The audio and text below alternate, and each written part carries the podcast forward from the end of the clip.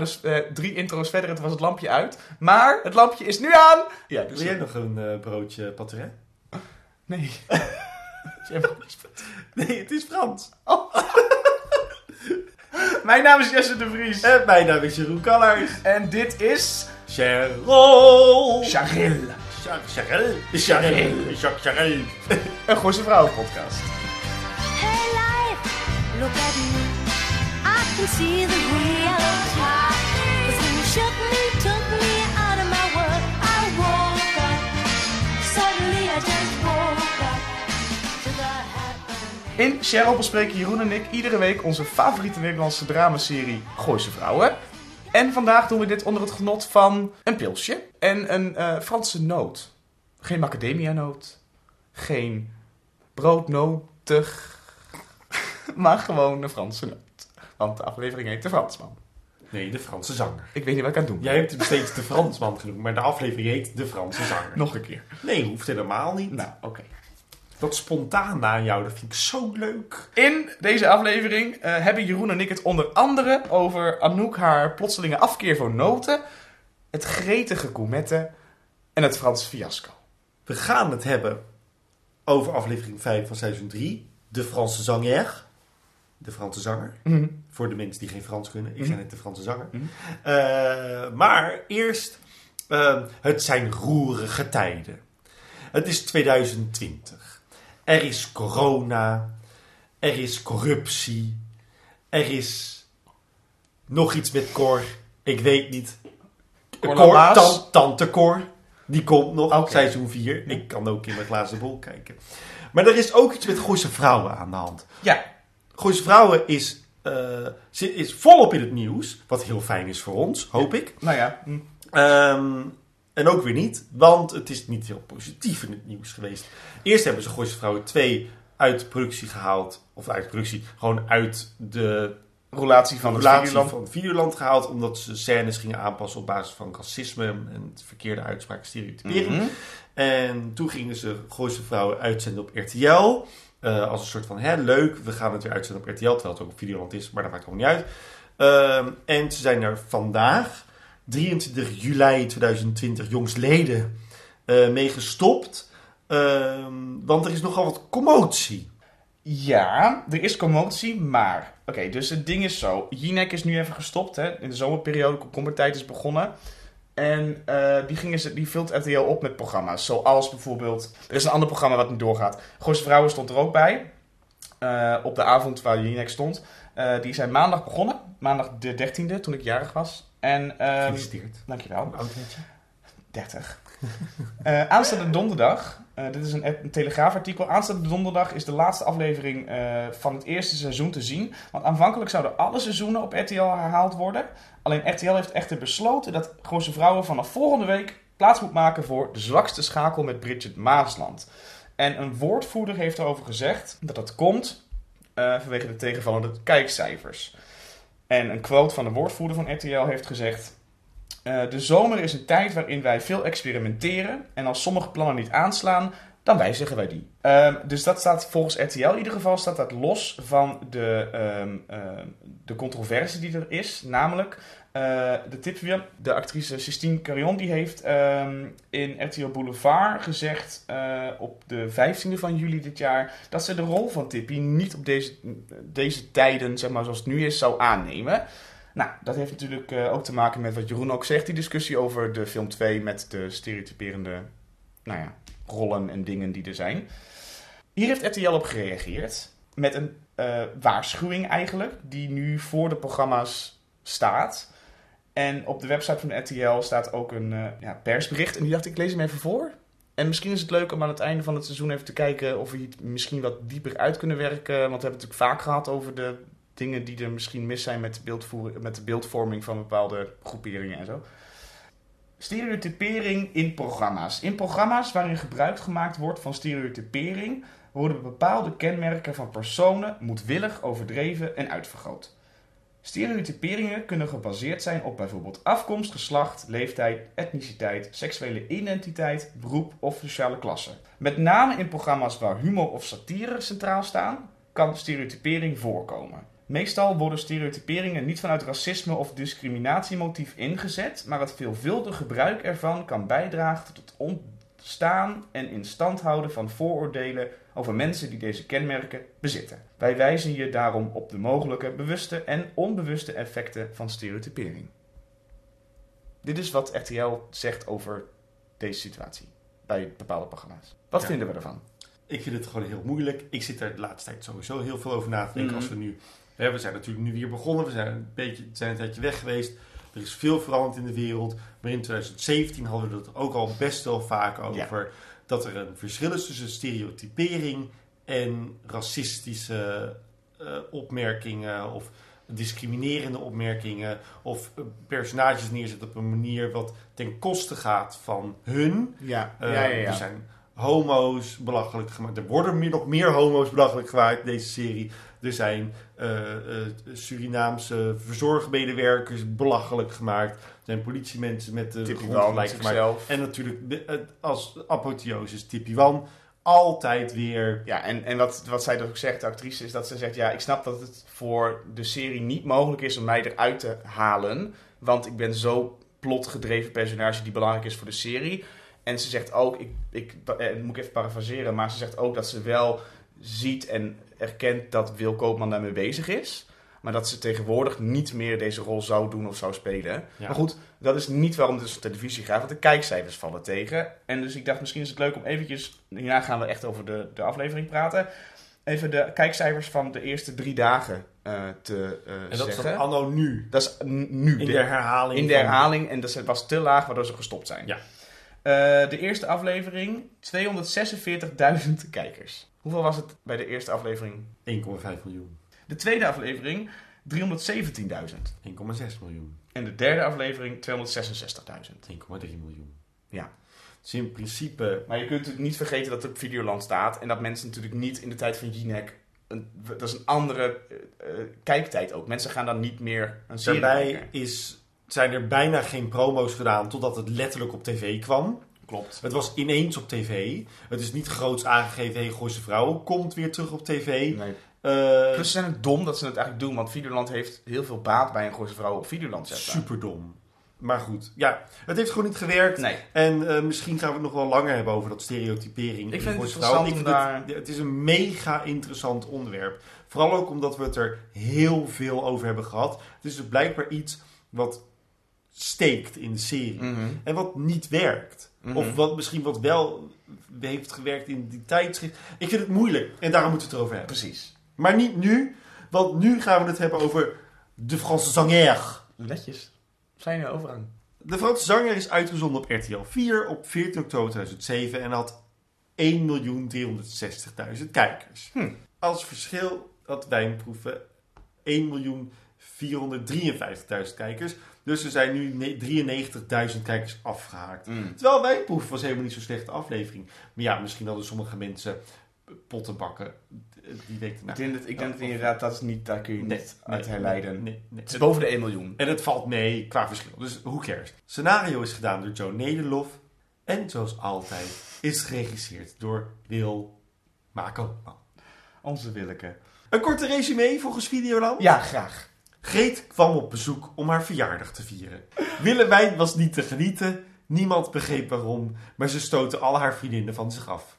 Anouk probeerde de artistieke ontwikkeling van vrienden te stimuleren. Claire moest haar villa verhuren en deed een beroep op haar vriendinnen. Welkom in het gooi! Waar je nog zo je best kan doen om een Fransman te verleiden. Van dezelfde noot twee verschillende allergische reacties kan krijgen.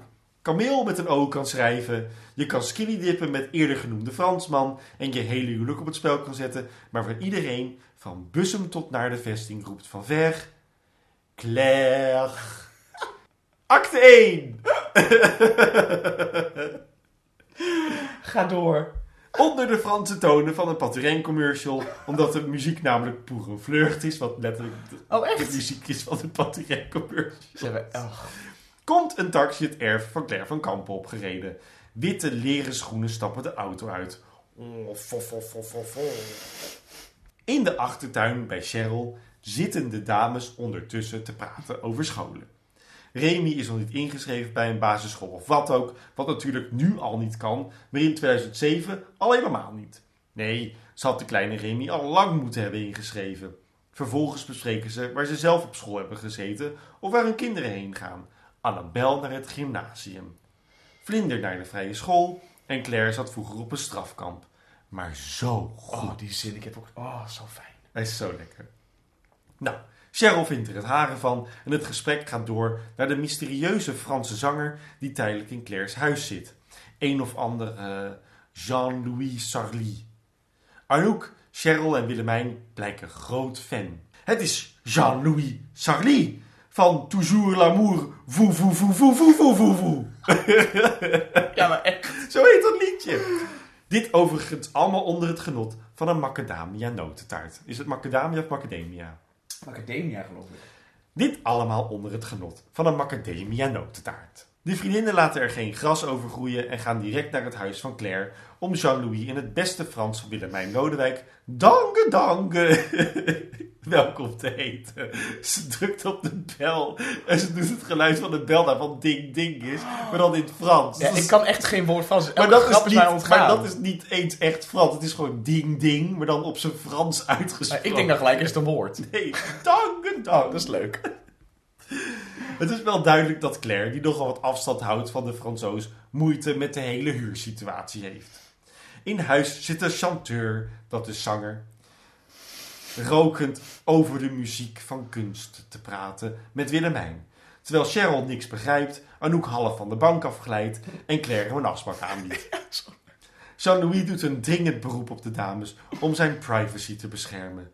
Ze begrijpen dat allemaal maar al te goed. Bij het afscheid nemen geeft iedereen de Fransoos een kus. Claire legt haar kussens op de bank recht en geeft hem een kille revoir. Dat betekent dag. Ja. Oh, dat weet je dan. Dag niet. Nijssen. De dagnijzer. Dat is het script editor. Ja. Op straat wordt Anouk opgehaald door een taxi en blijken Cheryl en Willemijn tegenover Claire te wonen. Saillant detail. Ik wist dit niet. Nee. Cheryl staat een beetje te drentelen op haar oprit als Claire terugsneakt om de zanger te bespioneren. Die zich ondertussen heeft ontdaan van al zijn kleding en naakt op haar bank gaat zitten. De bel gaat. Dus Jean-Louis moet in zijn badjas de deur voor Cheryl openen, die hem een uitnodiging geeft om een keer te komen zwemmen in hun privacy piscine. Hij vindt het aanbod en Cheryl zeer aantrekkelijk, geeft haar een kus op de hand en gooit de deur weer dicht. Cheryl wordt afgewisseld met Anouk, die hem uiteraard direct probeert te verleiden, maar die door hem, zeer charmant, weer buiten de deur wordt gezet. Dit wordt allemaal gadegeslagen door Claire en Jean-Louis weet dat. Mhm. Claire krijgt een sms op een nieuwe, datumloze telefoon met de, met de boodschap ik weet wat je gedaan hebt erin. Ze negeert het, net als wij, en gaat meteen door naar onze kortpittige makelaar om Sarli eruit te laten zetten op gronden dat hij een vieze is. De makelaar vraagt zich af hoe Claire dit weet en dat het niet voldoende is om iemand eruit te zetten. Claire raakt gefrustreerd en loopt weg. Niet gekwetst, is gefrustreerd. Ja. Ja. Bij de Morero's maakt Martin weer eens een opmerking over zijn eerdere hit De geur van je haar. Die ik onderhand wel eens wil horen. En dat hij daar natuurlijk nooit bovenop komt. Maar hoe krijgt hij dan wel weer carrière? Volgens Cheryl moet hij een dvd maken. Net als Jean-Louis. En blij moet zijn met een plek in zijn voorprogramma. Martin reageert er diepzinnig op. Poepoe. Aan tafel bij Anouk en Claire eten we aardappelen. Au gratin. Op zijn Frans. Hè? Oh, ja. Oh, dat is niet toevallig. Nee, natuurlijk is dat niet toevallig. Oh, nee. En krijgt Anouk Hollands op de flikker. Als Claire gewoon zegt dat ze het geen gezicht meer vindt om een vrouw van middelbare leeftijd als Anouk nog zo bezig te zien voor Jean-Louis. Ja, ze heb zitten gluren. Martin gaat richting studio. Barry wil een keertje Spaans proberen en Cheryl hoort Jean-Louis op de achtergrond zingen. Tja, Frans is ook mooi. Beetje erotisch zelfs. Martin vraagt of Nederlandstalig niet meer goed is. Maar Cheryl vindt Martin nog steeds de lekkerste man ter wereld. Terwijl Willemijn en Evert naar de school van Annabel rijden, wat bij Louise en Roderick niet hoefde, dus waarom nu wel, ziet Willemijn Jean-Louis op een oprit en ziet Claire aan de ontbijttafel dat Anouk volledig onder de rode vlekken zit en vraagt rustig panikerend aan Claire of ze even naar de eerste hulp kunnen. Einde acte 1. Oké, Jeroen, laten we het even hebben over vier dingen. Ja. Eh, allereerst, vorige aflevering hadden wij een discussie over de relatie Anouk en Claire. En hoe hun spanning in de vorige aflevering ofwel plotgedreven is, ofwel interpersonage gedreven of iets dergelijks. Ehm, laten we het hebben over eh, het gedrag van Cheryl in de eerste acte al. Ja? En waar Ja. het vandaan komt. Ehm, ik wil het heel graag eventjes hebben met jou over de keuze van de omtiteling. Soms wel, soms niet. Waarom wel, waarom niet? Heel vaag. En ehm, ik heb met jou natuurlijk hiervoor over gehad over dat dit een specifiek voorbeeld is van een filler episode Ja. binnen een dramaserie. Anouk en Claire. Oui. Anouk en Claire wonen natuurlijk nog steeds bij elkaar in huis. Ja. En de vorige aflevering was het conflict bij Anouk dat netjes versus Chaotisch. chaotisch gepassioneerd was een ding. En daar werd Claire voor mijn gevoel heel erg voor misbruikt gebruikt om dat duidelijk te maken. Ik heb persoonlijk niet het idee dat Claire deze aflevering die spanning en dat conflict meeneemt. En dat Anouk daar ook niet specifiek meer mee bezig is. Ja, ik vind dus van wel. Hmm. Omdat de aflevering onderliggend heeft, zometeen in acte 2 of 3, eh, dat Arnoek misschien allergisch is voor Claire. Hmm. En dat Claire alsnog vrij afstandelijk reageert op Arnoek. Ik heb het idee dat ze de relatie van aflevering 4 mee hebben genomen in aflevering 5. Waar het niet, het, het, is, het is niet meer Het is flinterdun. het is niet belangrijk, het is flinterdun. Maar als je het wil zien, is het er nog. Maar zou jij het nog weten als het niet in de recap had gezet? Nee, natuurlijk niet. Want ik bedoel, het is logisch dat een personage met een soort van ehm, karaktereigenschap netjes versus karaktereigenschap chaotisch, dat daar botsing zit. Tuurlijk. Maar daarom botsen de twee personages, Claire en Anouk. Ja, precies. en maar- daarom botsten ze ook aflevering 4. Alleen maar aflevering het 4 toen- was zo was specifiek. belangrijk. Maar dat komt ook omdat plot daar de tijd voor had. Nu heeft het plot daar geen tijd voor. Behalve dan dat ze misschien op basis van Anouk's reactie, eh, die dadelijk komt, Mm. ze hadden daar iets meer de nadruk op kunnen leggen dat het Claire schuld was. Maar het, eh, Claire zegt wel de hele tijd, zometeen, Anouk is allergisch voor me. Ja, maar Anouk zegt het zelf niet, dus het ligt echt bij Claire haar perceptie. op Nee. de- Ar- ze is 100% Anouk's huis uitgestuurd, omdat Anouk heeft gezegd, ga weg, want je bent allergisch voor Ja, dat klopt. Maar goed, eh, om terug te komen op de discussie van vorige week, dat was niet 100% jouw mening, waarheid en niet 100% die van mij, denk ik.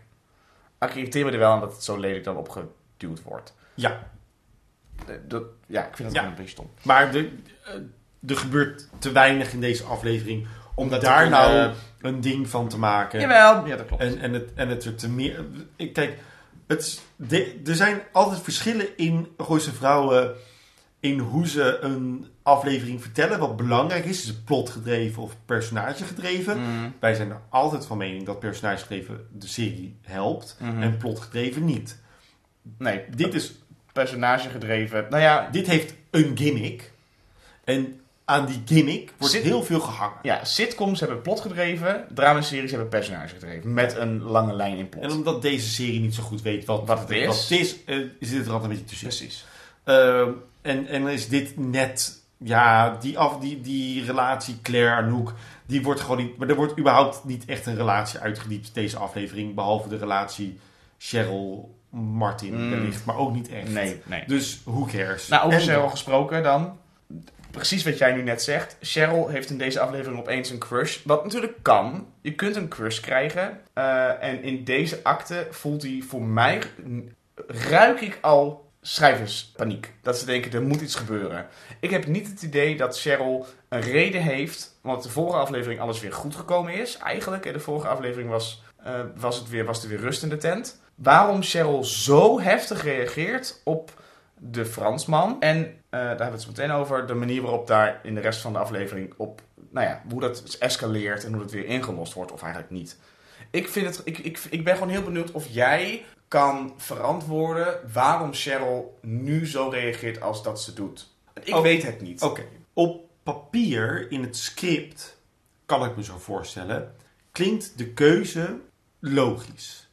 Eh, hè, er komt deze aflevering een zanger in de serie met een zoals wij weten voor deze aflevering, een succesvolle carrière. Mm. Hij komt op het eind van de aflevering ook op tv en zo. En wordt groots onthaald. En die makelaar doet een beetje eh, spannend over hem, want hij is een grote internationale ster. Dus Jean-Louis Charlie is een groot zanger. Mm. Ze kennen ook allemaal zijn hit op het begin. Ik denk dat Cheryl gewoon ontzettend aangetrokken wordt door zangers Mm. die vanuit hun eigen roots iets zingen. Eh, dus volkszangers in principe, wat een Franse chanteur is in principe. Mm. En ik denk dat zij dus op papier heel logisch klinkt als... Natuurlijk vindt Cheryl hem leuk. Ja, maar is een verschil tussen leuk vinden en En tussen haar gedrag. ja, Cheryl is gewoon... Ze is heel erg aan het vies aan het Ze, flirten. is buiten, ze, is, ze, is- ze reageert buiten haar personage-eigenschappen. En daarbij hoort het natuurlijk in principe uiteindelijk in dat Cheryl Martin jaloers wil maken. Want ze zit eigenlijk de maar hele dat doet ze niet. Jawel, ze zit de hele tijd over Jean-Louis te praten. Niet bewust als in een groot ding. Maar uiteindelijk zegt ze op het eind van de aflevering... Doe het, deed het alleen maar om je jaloers te maken. Dat zegt ze letterlijk tegen Ja. Martin. Maar daar heeft zij geen grond voor. Nee, er is... Zo hoeft Martin niet jaloers te maken. Want tot nu toe in, in seizoen 3 is vreemdgaan voor Martin en hun relatie niet op die manier belangrijk Klopt. geweest. Dus ik ben het met je eens. Het komt uit de lucht vallen en het past niet in de lijn Cheryl Martin. Nee, en laten we dan zo meteen hebben over hoe dat opgelost wordt door de schrijvers ook. Want dat En- is bepalend. Daarom is deze aflevering Een filler. een filler episode. Nou, over de filler gesproken. Een filler episode is een aflevering die je gewoon nodig hebt om je seizoen te vullen. Vroeger werd het, ja, dat is, ja, dat is. Ja. Vroeger kreeg je een eh, aantal afleveringen. Eh, het was heel normaal om er 23 te hebben of zo voor buitenlandse series. Nederlandse series is altijd moeilijker geweest, tenzij je een sitcom had volgens mij. Maar zelfs daar was het. Maar zelfs daar was het altijd minder, want we hebben gewoon minder budget. Maar er werd misschien gezegd, seizoen 3 heb je 10 afleveringen. Ik weet dat aflevering 10 van dit seizoen is afgevallen, omdat Suzanne Vissers man overleed. Mm. Eh, dus ze hadden 10 afleveringen volgens mij. En ze wisten, ze wisten denk ik niet meer wat ze moesten Nee. doen in het midden van het seizoen. Dit is het midden van het seizoen en ze weten het gewoon even Wat niet. vaak gebeurt bij Amerikaanse dramaseries, waar we natuurlijk nu met de 23 over zitten, is dat je bepaalde punten hebt van de zomerstop en de winterstops. En aan de hand daarvan maak jij plotlijnen die geëikt zijn op cliffhangers. Ja. En dat betekent dat je dus een spanningsopbouw hebt van 5, 6, 7 afleveringen, die inderdaad soms niet, die je uit moet rekken. En dan krijg je dat filler Ja, gebeuren. maar voor een serie als Gooise Vrouwen met zo weinig afleveringen Is per het- jaar en zo'n volgcultuur op dat moment in 2007 is het zo raar Om te zeggen te we doen. doen een gimmicky-achtige leuke aflevering. Terwijl het qua past wel in seizoen 3 omdat een aflevering is met een thema. Maar er gebeurt letterlijk Niks. niks, deze aflevering dat je mee kan nemen naar de volgende Nee, aflevering zelfs de conflicten die plaatsvinden worden weer... teruggedraaid op het begin, Ja, op het eind van de aflevering. mist inderdaad helemaal niks. Denken we nu. Want we weten niet wat de rest van het seizoen Nee, is. dat klopt. Maar hè, met een beetje voortschrijdend inzicht Kun je durf ik wel te zeggen... Nee, sorry, de Fransman, de Franse zanger... Hij staat me niet bij als aflevering in Gooise Vrouwen. Nee, het is nee. En dan nog eventjes, daarna gaan we door. Eh, de ondertiteling, daar irriteer ik mij aan, want ik kan dus geen Frans. Ehm, ze kiezen er bewust voor om in de eerste acte al bepaalde dingen wel te ondertitelen. En bepaalde dingen via andere personages te vertalen. Wat ik heel verwarrend vind, want dan weet ik dus niet zeker, en daar gaan ze ook weer spelen in deze aflevering, of wat ik hoor de waarheid is vanuit de vertaling, of dat de... ik, ik, weet je, ik vind, Ja. dat vind ik irritant. Want ik word gemanipuleerd als ik het niet snap. En dan mis ik of de grap, of ik word gemanipuleerd naar verwarring die nodig is voor het inlossen van een andere grap. Nou kan ik vrij goed Frans. En is alles wat er gezegd wordt en vertaald letterlijk wat de man zegt. Oké, Dus- maar, maar goed, als ik dat niet weet... Nee, maar het slaat dus. Het, het, uiteindelijk slaat dus nergens op. Want zelfs, er zijn zelfs momenten dat er wel wordt ondertiteld en dat Claire letterlijk zegt wat die man zegt, maar dan ze verdraait een heel klein beetje voor Anouk. Bij de deur, zeg maar. Bij de deur, dan, ja, je had die hele ondertiteling niet nodig gehad. Nee, maar het is of het een of het ander. En dat is denk ik alleen maar uit Zeker. informatie, voorsprong of achterstand voor de kijker. Waardoor er een bepaalde plotpunten worden kunnen gemaakt. En daar Ja. irriteer ik me aan. Het is dubbel op en tegelijkertijd is het geen van beide. Mhm. En het is een beetje, toen ik mijn scriptie schreef in Mm. eh het jaar prik, eh, zei onze eh wijle scriptiebegeleider Kees van der Pluim Oh. tegen mij, Jeroen, je moet kiezen als je een Engelse term gebruikt of je tussen haakjes zet of cursief.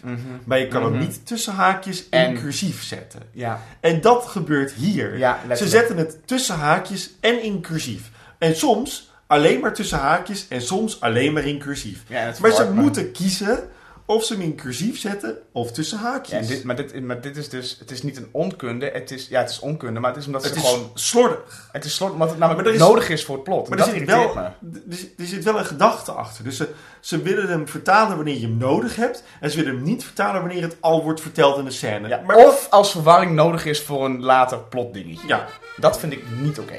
en dat maakt eindelijk het verwarrend voor de kijker. Ja. Einde acte. Cheryl, een Gooise Vrouw podcast, is te beluisteren op Spotify, Apple Podcast en ook op Soundcloud. En wij zijn natuurlijk ook te volgen op vrijwel alle sociale media onder het Cheryl Podcast. Acte 2. Willemijn en Evert moeten opdraven naar de school van Annabel. Omdat Annabel naar het VMBO gaat. En nee, dat is geen enge ziekte. Annabel is volgens haar juf een uitgesproken VMBO-kind en er zitten genoeg VMBO's in Utrecht. Na een soort cartooneske montage waarin Anouk met Claire op zoek gaat naar een medicijn tegen haar rode vlekken, eindigen ze in een soort Oosterse apotheek in de Zeedijk in Amsterdam. De man waar Anouk in het Nederlands tegen snauwt, geeft Anouk als een soort shamaan advies dat er bad energy is die go away moet. Hij kijkt richting Claire terwijl hij dit zegt. En Anouk neemt aan dat Claire dus misschien de bron is van haar fysieke problematiek. Rossi zit op de bank bij een mevrouw die zijn therapeute blijkt te zijn. Maar deze metatherapeute is na acht jaar praten met Rossi wel een beetje uitgepraat. Rossi's telefoon gaat tijdens de afwijzing. En hoewel je telefoon opnemen tijdens een sessie nou niet echt spreekt van etiketten, doet hij dit wel. Het is Willemijn die hem smeekt om een afspraak met hem voor Pasen. Gezien we twee afleveringen geleden hebben mogen vaststellen dat dit begin juli in 2007 is, is dit een vrij ruim tijdsframe. Wil moet met iemand praten die haar begrijpt en we zien Evert een beetje beteuterd of zo naar haar kijken. Claire loopt geïrriteerd haar spullen te verzamelen bij Anouk thuis. Ze weet immers wel wanneer ze te veel is. Terwijl ze dit doet gaat de bel en staat Jean-Louis voor de deur. Claire doet open en Jean-Louis vraagt of ze mee wil zwemmen, waarop ze zo afstandelijk doet en of ze de eigenaresse is van zijn huis. Ze vertaalt dit naar Anouk alsof Jean-Louis' Franse gewauwel voor Anouk is bedoeld. Anouk wil natuurlijk niet mee zwemmen met die bult op haar gezicht en Claire zegt stoïcijns niks tegen Jean-Louis, die haar afstandelijkheid wel geil vindt. Hij krijgt haar nog wel, zegt hij.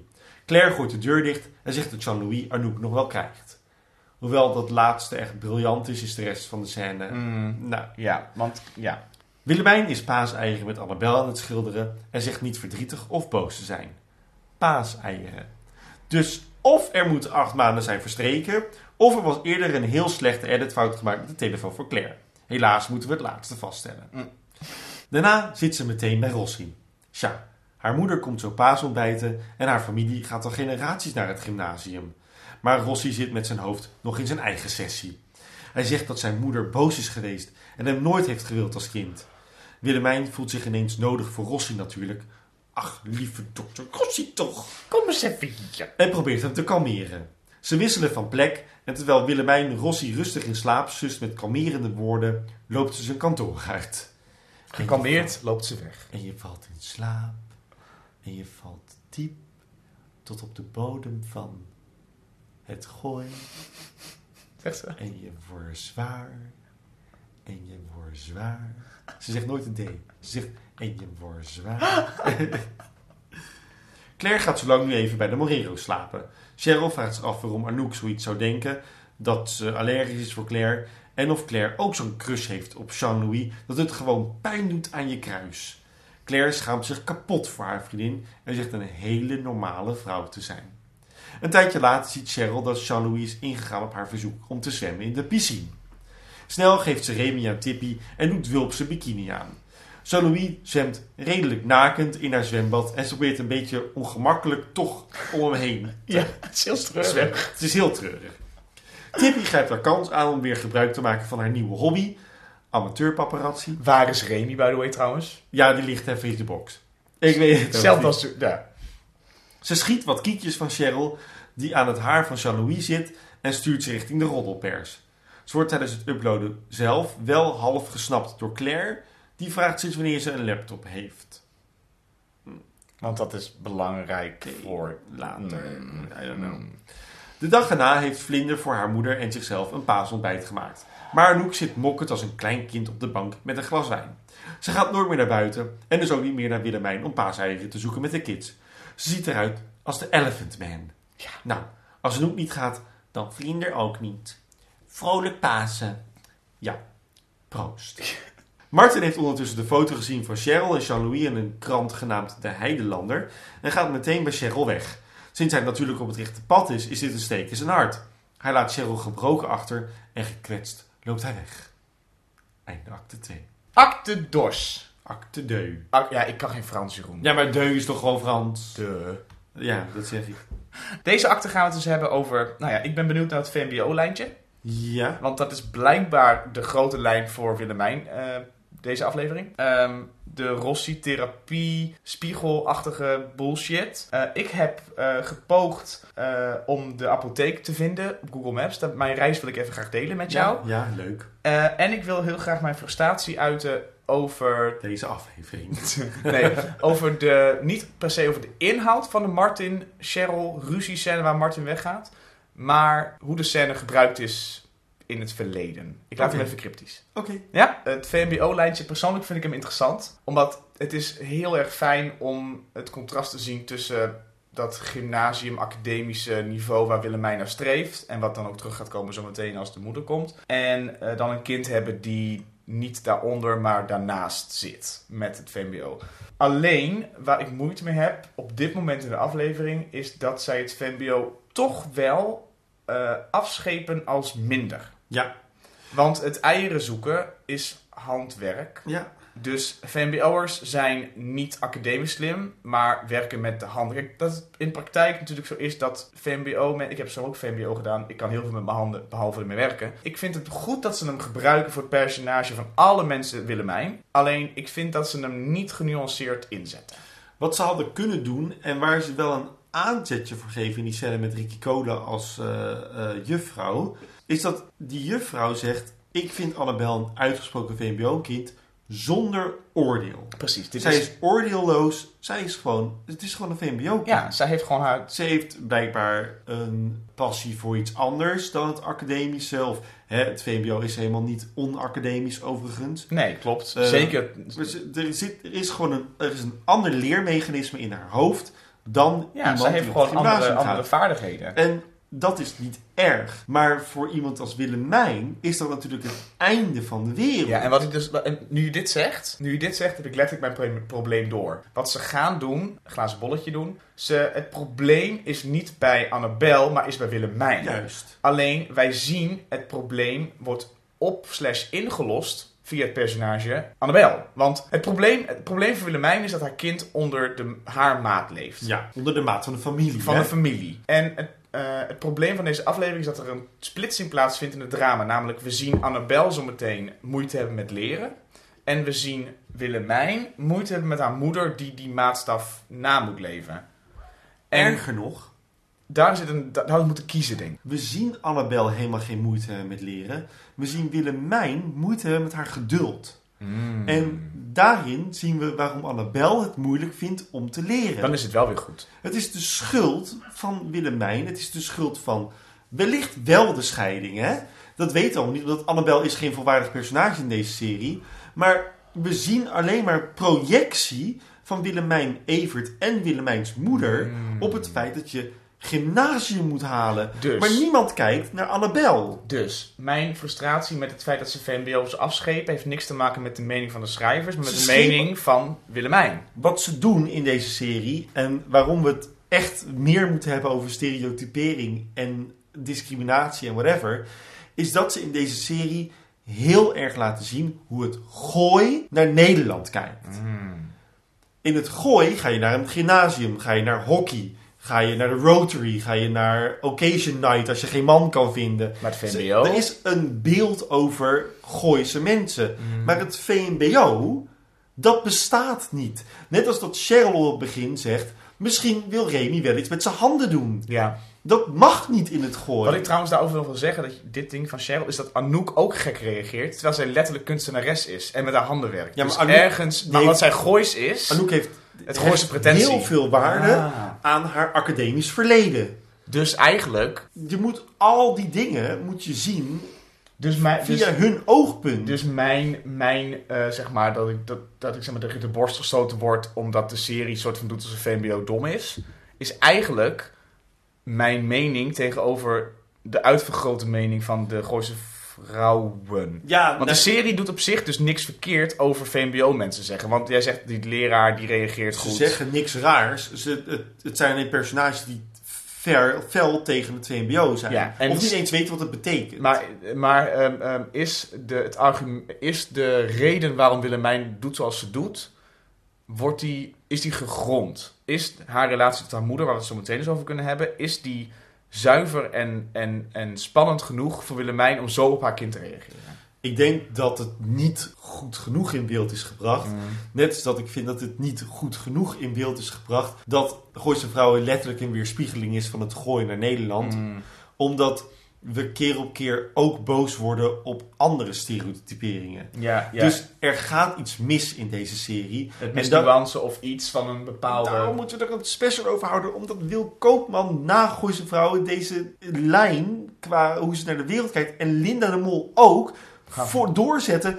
Ook al doen ze niks meer met Gooise Vrouwen. Ja. Alles wat zij samen doen is doorspekt van dit soort stereotypering. Je kan het natuurlijk afzetten als een stijl, maar het is problematisch. Ja, maar, dat- maar dat is maar, maar wat die RTL-persbericht zegt, wat ik in het begin had voorgelezen, is dat ze zeggen: in satire of humor zit veel stereotypering in de programma's die we hebben gemaakt. ja, en daar moeten we het dus langer over gaan hebben. Want omdat- dit is wel satire eigenlijk. Ja, maar ook niet helemaal. Maar het is ook drama. Omdat het niet, het is niet genrezuiver. Nee. En de Dat is statement van RTL is kort door de bocht. Want het gaat dus niet alleen om racisme, het gaat, maar het gaat ook om klasse. Het gaat ook om Veel om meer. Veel meer. Daar- ik, bedoel, echt, er komt een special. Geloof me. Ja. Eh, goed, anyway, eh, Eh, door. Tweede, het Rossi therapielijntje. Ik heb even gegoogeld, want ehm, ik zat gelijk te denken, er is zo'n serie gemaakt, eerst Therapy en daarna in Nederland In Therapie. Je weet Ja, wel, over ja. therapeuten die in therapie gaan of zo. Eh, de oorspronkelijke Therapy is in 2008 pas gemaakt. Dit komt uit 2007. Juist, dus daar is het niet op nageleid. Ik dacht gelijk, oh, het is echt zo, ze zien iets en dat gaan ze nadoen. Dat is het niet. Maar, Jeroen, de ingeving van Rossi, of in ieder geval de, de therapie van Rossi, is toch de meest nutteloze bullshit ooit. Er is toch niks in deze hele lijn van Rossi, vanaf het moment dat hij bij die therapeut zit, tot en met dat Willemijn letterlijk de stoel over... Dat klopt toch van geen kant? Moet dit grappig zijn? Wat ik niet begrijp, is dat deze serie opgepakt is door RTL met een compleet nieuw schrijversteam die exact dezelfde fouten maakt als het eerste Maar schrijversteam. dan is het Wil Koopman. Want met dat. Weet je nog dat we in seizoen 1. Ja, seizoen 1 was het. Dat Rossi die scène had met Tippy Wandel. Oh, met die rozen. En in seizoen 2 was er ook iets met, met Rossi. Dat ze hem een beetje gingen uitdiepen. Ik weet niet meer zo goed wat dat was. Maar volgens mij was er wel iets met Rossi in seizoen 2. En toen dachten we nog. Waarom. Hè, ik snap er niks van. Waarom is Rossi belangrijk? Zo belangrijk en zo. om, om hem deze aandacht te geven. En nu doen ze het gewoon nog een keer, maar dan langer. Ze geven hem dus een metatherapeute die klaar met hem is. Ja. En daarna gaat hij dus klagen over zijn moeder. Misschien is het wel Dirk Lind geweest. Zegt, oh, ik vind Rossi een beetje te, te, te magertjes of zo. Maar ik denk niet dat een van die acteurs op, die, op, dat, op dat niveau van de rollen iets had te zeggen over wat ze gingen doen. Nee, maar ja, misschien denkt Wil Komen, nou, ik vind Rossi iets te magertjes of zo. En, hem- en hem dus, Ik denk, dus een diepgang geeft. ik denk dat mensen...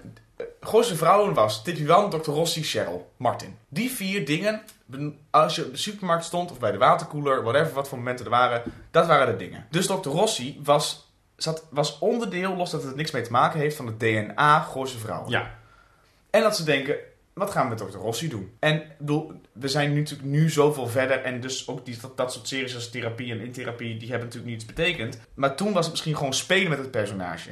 kan. Dat De- mag. Het, spe- het speeltuin-effect waar we het al eerder over Pre- hebben gehad, ja, dat kan er al Dat meer. mag. Maar waar ik moeite mee heb, is dat Rossi dus niet in staat is om acht jaar lang, acht jaar lang bij een therapeut te zitten.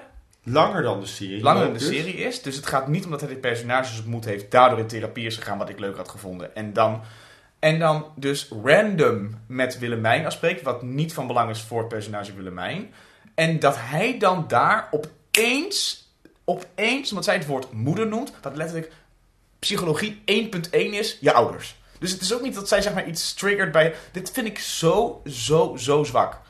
Daarbij ehm, Het is alleen maar voor de grap. denk ik niet dat een therapeut uit haarzelf mag zeggen: Ik ben wel een beetje uitgepraat. Het moet altijd naar de cliënt zelf komen. Ja, ook al ben je zelf therapeut. Ook al ben je zelf therapeut.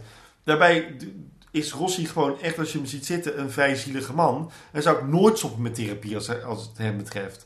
Want deze man heeft het blijkbaar nodig. Maar als hij niet weet wat er mis is, is de zorgvraag niet opgelost. Dus had zij nooit kunnen zeggen, we stoppen ermee. Nee. Dat is gewoon heel gek. Kijk, als je na je laatste sessie met je therapeut nog instort vanwege je moeder, nou dan heb je dan heb je nodig. gewoon, dan heb je geen acht jaar therapie gehad. Nee, dat, dus, dus hij heeft gewoon een hele slechte therapeut gehad. En natuurlijk, het is een grappig, het is grappig. En het, het nadeel is, is dat Rossi niet consequent genoeg in elke aflevering zit. De regel van drie, die hij altijd gebruikt. Als het één keer gebeurt, twee keer, de derde keer gaat het anders. Ja. Rossi is elke aflevering één keer. En elke keer is het weer spelen met wat ze dan willen dat gebeurt. Dus dit soort trucjes die ze nu doen met Willemijn... is niet heel heftig. Het is weer een nieuwe manier van Rossi gebruiken. Ja. Eh, dus voor dramatisch effect is het niet interessant. Voor plotmatig effect is het totaal nutteloos. Humoristisch effect kan ik me begrijpen dat het hem is. Personage gedreven effect van het Rossi ook niet. Dus wat is de reden dat dit erin zit? Ik weet het gewoon. Ik, word daar, ik snap dat gewoon niet. Want volgende aflevering is het Rossi weer op de stoel. Kan ik je nu al garanderen. Is het weer verge- vergeten. Deze, met deze aflevering is het is gewoon, het is een filler episode. het is echt alleen maar... Alleen en maar het, het slaat nergens op. Je, je, je blink en you miss it. Het is niet belangrijk. nee. Who cares? Dus, over who cares. En ik, eh, de laptop slaan we even over, want het eh, laptop... Nou, dat- belangrijk... eh, Misschien komt de laptop terug. Je weet het niet. Eh, over eh, Who Cares. De vorige aflevering eindigt met een promo voor deze aflevering. Ja. De promo is de climax ruziescène tussen Cheryl en Martin. Klopt. Dus ik heb die hele aflevering niet nodig. Nee. Daar word ik dat ik denk, Nee. ik, ik kan hem nu doorskippen. Maar als ik zeg maar je, maar... hebt, je hebt de aflevering nodig omdat je denkt: "Oh, het gaat verkeerd tussen Cheryl en Martin. Maar het gaat helemaal niet verkeerd tussen Cheryl en Martin. Maar je gaat wel deze aflevering kijken. Ja, maar het ontneemt mij van alle spanning voor de ruzie. Want ik weet al dat, dat, zeg maar, dat flirten van Cheryl dus gaat gebeuren en eindigt in die ruzie. Want ik heb vorige week gekeken. Ik vind het een Maar stom... het gaat er natuurlijk wel over. Komen ze eruit? Ja, maar ik had dus liever Eh, gehad dat de Cheryl ging flirten, dat ik dat zag. Ja, Want dan kan ik denken, wat gaat ze doen? En, dan, en dat je dan verrast bent over dat Martin ja dus wegloopt. die, die scène met de private piscine. Ja, dat was interessanter geweest. En nog één dingetje. Ja? Ehm, ik heb eh, zware moeite met de, met de ziektescène van Anouk. Want ik heb ook gegoogeld naar de eh, eh, eh, symptomen van een macadamia-noodallergie. Dat is bijvoorbeeld Volgens dus... mij is dat gewoon een noodallergie. Dat is gewoon letterlijk Ja, een noodallergie. En je kunt gal, galbulten krijgen. Dit waren geen galbulten. Maar je kunt in ieder geval... Dat is Allah. Zij gaan naar een dokter met spoed, right? En Claire moet mee en Anouk is aan het rennen. En ze gaan gewoon letterlijk een oproute op. En daarna eindigen ze in een soort van winkelstraat met pakketjes, met pillen. Ehm, dus ik dacht, dit is geen apotheek. Want een apotheek is niet gewoon... Dat stond ook gewoon prularia in de ramen. Dit was een kruidvat van Douglas. Ja. Ik heb dus letterlijk een uur lang op Google Maps Blaricum, Laren en een stuk van Hilversum doorgeskipt om te kijken of ik die fucking winkel kon terugvinden. En niet. Maar dat was, dus, dat was dus hoe erg ik op zoek was naar content voor dit. Maar dit is dus in ieder geval geen apotheek. Dus dat briefje van de dokter was niet nodig geweest. Want eh, er waren histaminepillen die ze kon gebruiken. Of een therapiesessie, maar dat kan niet op één dag. Maar die, wat zij daar heeft gehaald zijn zalfjesdingetjes. Dat is allemaal homeopathisch. Dus die hele, de hele grappige montagestukje met naar de dokter pillen, briefje halen en weer naar buiten. Is bullshit. Plus, plus, als zij dus al een briefje had gekregen van de dokter, had zij letterlijk een diagnose gekregen. En had Claire in de auto gezien waarom zij dus ziek was. ja. Dus het is één grote bullshit. Maar naar de dokter. De dokter had al lang gezegd... Hé, hey, je hebt een noodallergie. Wat heb je gegeten de afgelopen dagen? In ieder geval, laten we naar acte 3 toe gaan. Ja. Laten we acte 3 gaan doen, want volgens mij eh, praten we te lang over dingen die we niet hoeven te benoemen. Nou ja, en laten we daarna weer eventjes benoemen dat de, eh, die hele scène van die montage van Anouk met Claire slaat op pure stront. En hoe die shamaan wordt neergezet, die eerst Oosters is en daarna een soort van Mexicaans. En eh, ook Nee. iets Zuid-Amerikaans of wat Mexico. Maar goed, maar het dat, dat, dat, dat, en dat Anouk zo fucking gemeen Nederlands tegen hem schreeuwt. En Claire ook weigert om Engels te praten. Terwijl het overduidelijk is dat die man alleen maar Engels kan. Oh, ik kreeg daar jeuk van. Ik haat het. Ik wil door de act.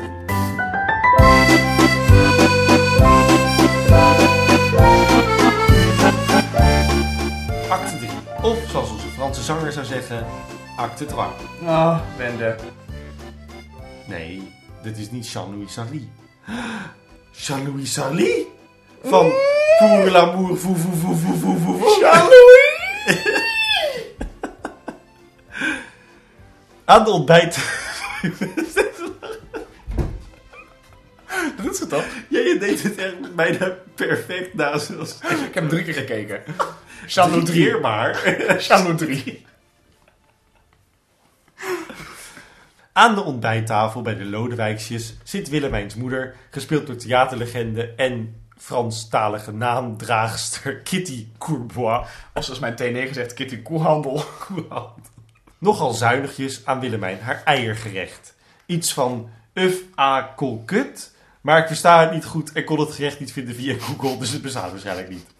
In ieder geval, Willemijns moeder vindt de asperges eronder overbodig. Als het gesprek toch aankomt bij het gevreesde VMBO-advies, vindt oma het een goed idee als Annabel even aan haar huiswerk gaat en laat zien dat iedereen haar onderschat. Tja, of dit moment het waard was om Kitty vooruit de bed te bellen, dat weet ik ook niet. Onder de zoet gevoiste stem van Lara Fabienne, die Je malade zingt, huilt Cheryl zoute tranen en belt Anouk. Helpt Willemijn Annabel met haar wiskunde en loopt Martin de Egelantiersgracht 70 binnen, waar Greet, o goede genade grote Greet, in de Gloria, in Yes. de Gloriegreet, woont. Oh, Greet is terug. Greet kijkt naar de tas, naar Martin, naar de tas en wikt hem zo het huis in. Willemijn krijgt een paar donder van Mami en haar moeder eist dat ze Annabel naar St. Clement in Zwitserland stuurt. Dat is die tuchtschool van Claire waar ze het over hebben gehad. de zin. Aan de keukentafel bij Anouk zit Anouk verschuild achter een bos tulpen te zeggen dat het allemaal wel meevalt met Martin. Nee, wat zij heeft is veel erger. Cheryl vindt Anouk wel ijdeler dan zij ondertussen.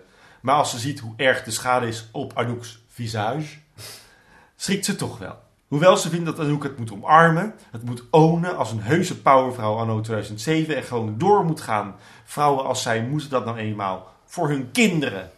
Het mini-gezegd uit het gooi komt vandaag van Cheryl Morero. Doe iets met een veehals, dan richt je de aandacht op heel andere dingen. Martin is bij zijn moeder en ze spelen Scrabble. Ah. Er vliegen weer geweldige one-liners over de persisch getapeerde tafel. Ja, komend, het ken wel. Komeel kan ik echt nergens vinden. Ja, is ja dat is oude spelling. Dat schreef je vroeger dan zo. er volgt uiteraard een ieder geweldig dialoog over of Martin nou moet scheiden, ja of nee. Greet vindt uiteraard van wel. Dan kan Martin bij haar komen wonen en Remy bij haar in bed. Dat doe je voor je kind. Ze breekt in huilen uit, omdat Martin ook bij haar is weggerukt door Cheryl. Die wel heel Jordanees kan lopen doen, maar ze komt gewoon uit Osdorp. Ja, ja, maar ja. Ja. En geweldig hoe ze dan in huilen uitbarst en dat Martin een stuk gebak in de mond stopt. Ja, ik heb helemaal geen zin meer in. Het. Wat doe je met je gebak, ma? Wat doe Ja, je? nou, ik heb helemaal geen zin. Ook niet in het stomme spel. En dan gaat maar dammen.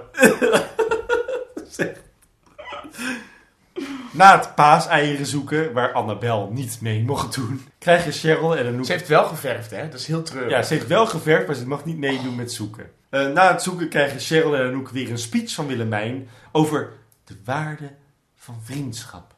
Dat je elkander moet helpen in een vriendschap. En dat het niet eenrichtingsverkeer is, maar dat het van beide kanten moet komen. En wat ze kunnen doen voor hun vriendin Cheryl Morero. Willemijn gaat al met Martin praten. Cheryl vraagt of Claire mee kan. Ik snap niet zo goed waarom ze dat vraagt eigenlijk. Eh, maar dat wil Anouk niet, want hè, Anouk is overduidelijk allergisch voor Claire. Mhm. De dames inkluis Claire en ex-kluis Cheryl staan voor de Egelantiersgracht. Willemijn verdenkt nog dat Anouk misschien in de overgang zit, Maar dat kan het absoluut niet wezen. Grappig, want Anouk heeft daar Willemijn de vorige aflevering van beticht. Oh, dus, oh ja. Oh, Jeroen. En ze hebben samen op school gezeten. Oh, lekker dit. Dus dat is, dat is perfect. Ah. Voor de tweede keer deze aflevering mag Willemijn aan de bel trekken. Gewoon trekken. Dit is zo'n trekbel. En dan vraagt ze, wil ik gewoon trekken?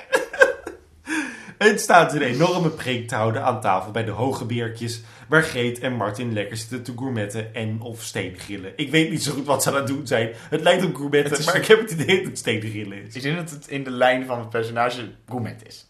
Ja, ja steengrillen. Smiddags. Ja, ja, het is smiddags en het is heel raar. Er zitten ook opgebakken aardappeltjes en stukjes kip, en worstjes en een macadamia taart. Het is heel vaag. Willemijn vindt het vreselijk als Martin en Cheryl zouden gaan scheiden. En gaat ondertussen wel leuk meetafelen. Oh. En Claire laat weten, gezien te hebben dat Jean-Louis alleen maar in zijn blote geval een paar baantjes heeft getrokken. Ja, ze heeft het zelf in de gaten gehouden, omdat ze wil weten wat voor viespeuk er in haar huis zit. Greet gelooft de meiden niet, maar ze maken hun zaak toch echt hard. Anouk neemt ondertussen een stukje van de macadamia taart en valt flauw neer. Nou ja, ze is meer een soort van Ja, ze stort, orgasme. ze stort zo. in elkaar, ik weet niet. Ze blijkt allergisch voor macadamia. Of gewoon überhaupt voor noten. Maar goed, kom met een natte doek, Greet. Ja, ik heb geen natte doek. Op de een of andere manier vonden de mensen dit genoeg. En was de scène hiermee af. Ja, Martin had genoeg gehoord. Ja, die avond komt Martin toch een huilende Cheryl troosten in bed. Die haar excuses aanbiedt. En samen vallen ze met Remy in het midden in slaap. Anouk, wat zeg je? Met seks. Met seks? Ze gaan seksen nog. Dat weet je niet. Ze gaat erop, hij gaat erop liggen. Hij ging gewoon kusjes geven. Nou, dat was niet aan Ja, als jij erop gaat liggen, heb je meteen seks. Maar als je heel lang bij elkaar bent, hoef je niet per se seks. En je kind ligt ernaast. Ik zou het niet doen. Martin had ook een godschuwelijke hekel aan seks. van Toen ze zwanger was. Ja, er zit een kleine ding steeds aan te kijken van... Papa, wat doe je nou? dus dit lijkt me helemaal raar. Dat Hij wordt wel ontbloot wakker. Dat heb ik gemist. Dus, maar misschien slaapt hij altijd. Eén nog geen wie. Ga verder. Claire trapt toch in de val van Jean-Louis en beleeft een wilde nacht op zijn Frans. En Willemijn tilt de moe geslagen Annabel haar bed in. De volgende dag krijgt Arnoek een pil en een grote mok water van Vlinder en verkondigt haar grootste leugen deze serie. Morgen zorgt mama weer voor jou. En ik ben kunstenares. en rijdt Jean-Louis Huizen van Kampen uit en kijkt iedereen naar het concert van Jean-Louis bij de Morero's. Waar je kan kiezen uit paprika, cream onion, Mexican of barbecue chips. En nee, ze hebben geen naturel. Jean-Louis zingt een prachtig nummer over Leroy als metafoor voor Cheryl? Nee, voor Claire. Credits. Wat een gezeik, wat een kutclimax. Eh, Jeroen, acte 3 is begonnen en we... Ik ik ben echt zo klaar met deze aflevering. Oké. De grote dingen die we... De, de grote kapstokken zijn volgens mij in ieder geval Greet. Want laten we eerlijk zijn. Greet is de grootste kapstok ooit. Eh, volgens mijn T9 Kitty Koehandel. of Kitty Coupois. ja. En die eindscène. Laten we het even de eindscènes noemen. Want het is natuurlijk een hè, Het is een soort van korte montage. Korte montage. Ja. Greet. Allereerst is er een continuïteitsfout met Greet. Weet je nog dat Cheryl tegen Greet zegt... dat jij lekker in je bovenwoning zit en de, de, de, de bla bla bla. Ze heeft helemaal geen bovenwoning. Houston. Ze heeft een vet mooi huisje wat ondertussen nu 1,7 miljoen kost. Prachtig. Maar in ieder geval dacht ik, dit klopt niet, maar Allah. Ehm, wat vonden we van de Greet Martin eh, lijn? Laten we het zo noemen. Nee, maar wat is het nut van Greet in deze aflevering gezien de uiteindelijke inlossing van het conflict? Het conflict is, Martin vindt, denkt dat Cheryl vreemd gaat. Cheryl zegt nee. Martin gaat naar moeder, want logische reactie. Moeder zegt, je moet bij Cheryl weg. Vriendinnen halen hem niet eens over. En hij komt terug zonder zichtbaar in de scène waar het gesprek met de vriendinnen is, in te zien dat Cheryl niet vreemd gaat. Is, Ik, ik denk dat het niet gaat om... Gaat Cheryl vreemd, ja of nee? Maar meer om de thematiek van eh, kind-ouder. ja, maar En- dat had ook anders gekund. Zeker 100%. Vooral ook omdat Martin eigenlijk moet nadenken over... Goh, ik ga al een tijdje niet vreemd en dan hoor ik dit. Wat is de waarheid? En huh? Letterlijk, letterlijk wat ze moet, hadden kunnen doen, wat niks had afgebroken aan wat, een, wat het doel is van deze lijn, Martin komt voor het eerst sinds het wonen in het Gooi weer bij Greet op bezoek. Want wat ze doen is letterlijk gewoon bezoek. En dat Greet dan aangeeft, en dat is natuurlijk het motief van waarom Greet Cheryl haat. Ze heeft Martin van hem haar afgenomen. Ja. Hetzelfde gesprek met een minder groot belang. Namelijk, Greet zegt, god ben je lang niet geweest. En dat, dat had hetzelfde kunnen doen. Had het, behalve dan dat het minder grotesk of vet aangezet is. Ik, ik bedoel, ik vind het leuk dat er is. En dat, ik, ik heb haar ook wel nodig om het leuk Het te geeft hebben. wel een beetje diepgang voor het personage Greet. Maar Greet had het niet hoeven doen. Omdat die, want het vreemdgaan maakt niet uit voor het personage Greet. Want Nee. voor Greet doet Cheryl toch al alles verkeerd. Ja, En dit bevestigt het voor Greet. Dat is niet nodig. Voor ons, het is niet waar, dus het maakt niet uit. En voor Martin is het ook weer weggewuifd. en ik zat er wel over na te denken. Ik bedoel, kijk, wij kijken al de afleveringen 700 keer Mm, voordat we dit gaan ja. opnemen. Toen ik hem voor het laatst zag, dacht ik... Het, ik denk dat er twee redenen heeft waarom Greet erin zit. Namelijk, en voor het plot van deze aflevering. Want er is iets nodig om Martin weer terug te krijgen. En om het een beetje uit te diepen waar dit thema nou precies om gaat. Eh, Dan gaan ze het, dan gaan ze het niet echt uitdiepen, maar whatever. En omdat je ziet dat ze reageren op het publiek zegt ja tegen Greet. Maar dat kan niet in een week opname zijn. Ja, maar ze hebben deze serie vooraf opgenomen, denk ik. Ja, dus de reactie van Greet van vorige aflevering was kan... van het vorige seizoen. Dus ze nee, hebben voor besloten, de wijnproeven. Nee, maar dus ze hebben besloten Om Greet meer te laten zien. Ja, om Greet er meer in te zetten. Ja, Want bedoel is nu bijna in elke aflevering van dit seizoen Ja, sinds de dood. Ja, dat bedoel je. Ja, precies. Ik, Dat zijn de enige redenen. Voor de rest, Greet had deze aflevering eruit gekund. Martin had gewoon even weggekund en weer teruggegaan. Zoals Cheryl ook zo vaak bij hem doet. Ja, precies. Eh, dus het, Ja, het dus is- daarom strookt ook niet de reactie, de, de handelingen van Cheryl aan de hand van de Franse zanger. Is omdat het gewoon een, een opgeklopt conflictje is. Ja, het- is sowieso, deze aflevering is een opgeklopt Ja, conflict. ja, dat klopt. Goed, dus dat, dat ja, los daarvan, de, de dynamiek tussen die twee acteurs is gewoon briljant. En, en, en de setting is goed. En het feit dat er dan die drie vriendinnen daar komen en dat eh, zowel Anouk als eh, Willemijn gaan meesnoepen met dat ding. Het, eh, en dat ze, zeg maar, de pannetjes, en dat, het is Je gewoon ziet heerlijk. gewoon dat ze echt, dat ze hebben genoten van dit stukje televisie maken. Ja, en dat scrabbelen ook, en dat Ja, taartje. joh, Het is gewoon heerlijk. Het is heerlijk. Het is heerlijk om naar te kijken. Laten we het over die andere oudere dame hebben. Kitty Koehandel. Kitty Koopa. Kijk, ik heb opgeschreven over dat. ehm goede casting, slecht spel. Heel slecht spel. Het is ook echt, ik denk, nou, voor deze aflevering had je Willemijns moeder niet hoeven laten optrommelen. En of, wat Anouk heeft ook haar moeder al laten zien natuurlijk, met die was, dat was gewoon een, dat was gewoon een actrice. Als jij kiest, als jij kiest voor een Kitty Coubois, dat is een de grand dame van de Nederlands theater. Zij heeft natuurlijk, zij is, zij is enorm groot. Dan, dan moet je het of goed aanpakken, eh, of niet. Want nu is het letterlijk een rol met delivery van haar dialoog die niet oké is. Het zijn geen goede opnames die ze hebben gebruikt. En het Of is, zij een, is geen televisieacteur. en het is een minuut. Maar dat vind ik niet erg. Als jij een goede minuut draait, Ja. dan mag je van mij... Je, bedoel, doe het dan 100% goed. Ja. Maar ik denk dan, dat Kitty Coubois is natuurlijk gewoon... Die, die zag gewoon geld. Ik, dat- ik weet het echt niet hoor. Maar die kan, op theater kan zij goed spelen. Maar deze rol was te sumier voor haar. Eh, en ze kan, dit kan, dit, bedoel, het- maar de casting is goed. Want als je Kitty Coubois ziet, dan zie ik ook Willemijn. Dat 100 pro- 100%. Maar het spel is echt op Stag Hartman niveau. Ja, het is verschrikkelijk. Terwijl de lijn aan zich en het conflict wat Willemijn heeft, en het, wat wij dus nu ook al meer hebben gezegd, Willemijn krijgt steeds meer diepte en, en, en emotie en lagen, omdat we haar moeten leren kennen voor redenen of zo. Nee, maar even gewoon voor het nut van deze aflevering, hè. En voor deze scènes met Annabel en 2MBO en het belang van de familie, bla bla Mm. Ik snap wel dat ze een oma hebben erin gebracht, een soort van mater, familiejas. Ja, het ligt niet aan Willemijn, het ligt aan haar Het- het opvoeding. Maar dat had ook in tekst van Willemijn gekund. Weet je wat ze moeten doen? Voor het personage Willemijn en de spanning tussen Evert en Willemijn, Evert de moeder maken. Evert had degene moeten zijn die het tegengas geeft en de schuld op Willemijn legt als slechte Wat moeder. hij al deed! Wat, maar, dus, maar dus, dat hadden ze bij hem moeten neerleggen. Maar, Evert noemt Willemijn labiel. ja, had hem dat over laten nemen. Want dan had ik hem, want ik ken Evert. En dan voelt het niet als een ingreep voor het drama Willemijn. Nee, Willemijn wordt beschuldigd en beschaamd door haar vader, door de vader van haar kinderen.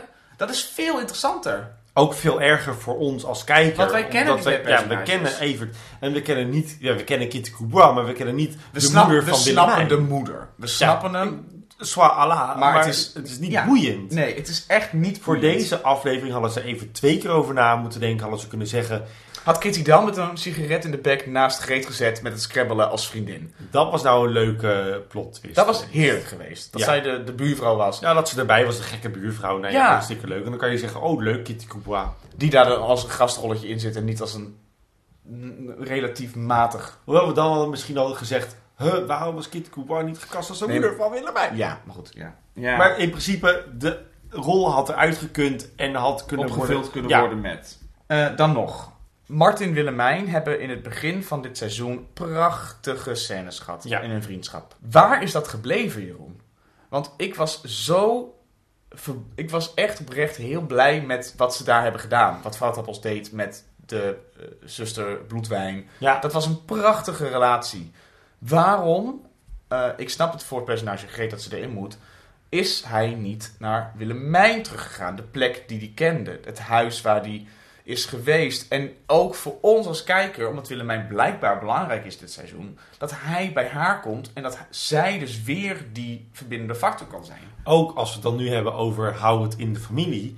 had Martin terug moeten gaan naar een plek die wij kennen. En dus naar het tuinhuisje van Willemijn Ja. moeten gaan. Of bij haar aan de deur staan en zeggen: hey, ik ben zoiets. En dat zij dan daardoor kan zeggen in die paasscène: hey, vriendinnen onder elkaar, Cheryl, heb jij dit gedaan of ja of nee? En de enige reden om Martin naar zijn moeder te sturen en dan Willemijn erop af laten sturen, is eigenlijk om te laten zien dat zelfs Willemijn deze situatie niet meer zou kunnen redden. Dat gebeurt niet in deze aflevering, maar als je het huwelijk van de Moreros kapot had willen krijgen, had je Martin naar zijn moeder moeten sturen en dan Willemijn er naartoe gestuurd en dan had altijd Greet gewonnen van Willemijn. Ja, en ik had het dus anders gedaan. Ik had hem eerst naar Willemijn gestuurd. Want dan blijft hij binnen de cirkel, want hij wil het redden. Want Martin heeft laten zien dat hij wil vechten. En als dat niet lukt, dan naar Greet. Heeft Greet een reden om boos te zijn? Ja. Is het conflict Greet-Cheryl beter? Maar wij willen graag, of tenminste de makers van de serie willen graag, dat op het eind van deze filler-episode alle pijlers Status op nul staan. Ja, precies. Dus daarom hadden ze hem eigenlijk deze aflevering direct naar Willemijn kunnen sturen en verder niks. precies. En Willemijn had de hele aflevering op hem in moeten praten van... joh Martin, het is niet zo erg, Hij het valt letterlijk, mee. hij had letterlijk Greet kunnen En bellen dan om langs te komen. Claire naar Martin moeten gaan, want uiteindelijk heeft Claire de reddende Doordat hij homo is. argumentatie. Ook, maar ook door te zeggen, ik heb het gezien en het is niet waar. Nee, en die, en die Fransman is homoseksueel. Ja, Ja, en ik, en ik moet ook zeggen daarover nog... ehm Greet is niet vertrokken uit het gooi sinds de vorige aflevering. Dus het was niet nodig geweest om ook buiten het gooi dat conflict op te lossen. Ehm eindscène. De, de chanson met het... eh, Le Goy. ja. Hij is hoeveel dagen in het gooi geweest, die Ik Fransman? denk een week. Dan is het niet verhuren, dat is logeren. Mhm. Dus een makelaar heeft er niks mee te maken. Want, hij is niet weg, hè? Hij is gewoon naar die opnames gereden. Dat klopt. Ja, je weet niet of hij De volgende of aflevering hij nog daadwerkelijk weggaat uit het huis. Tenzij het dus acht maanden zijn verstreken. Ja, maar die tijd... Maar dat ja. is natuurlijk niet zo.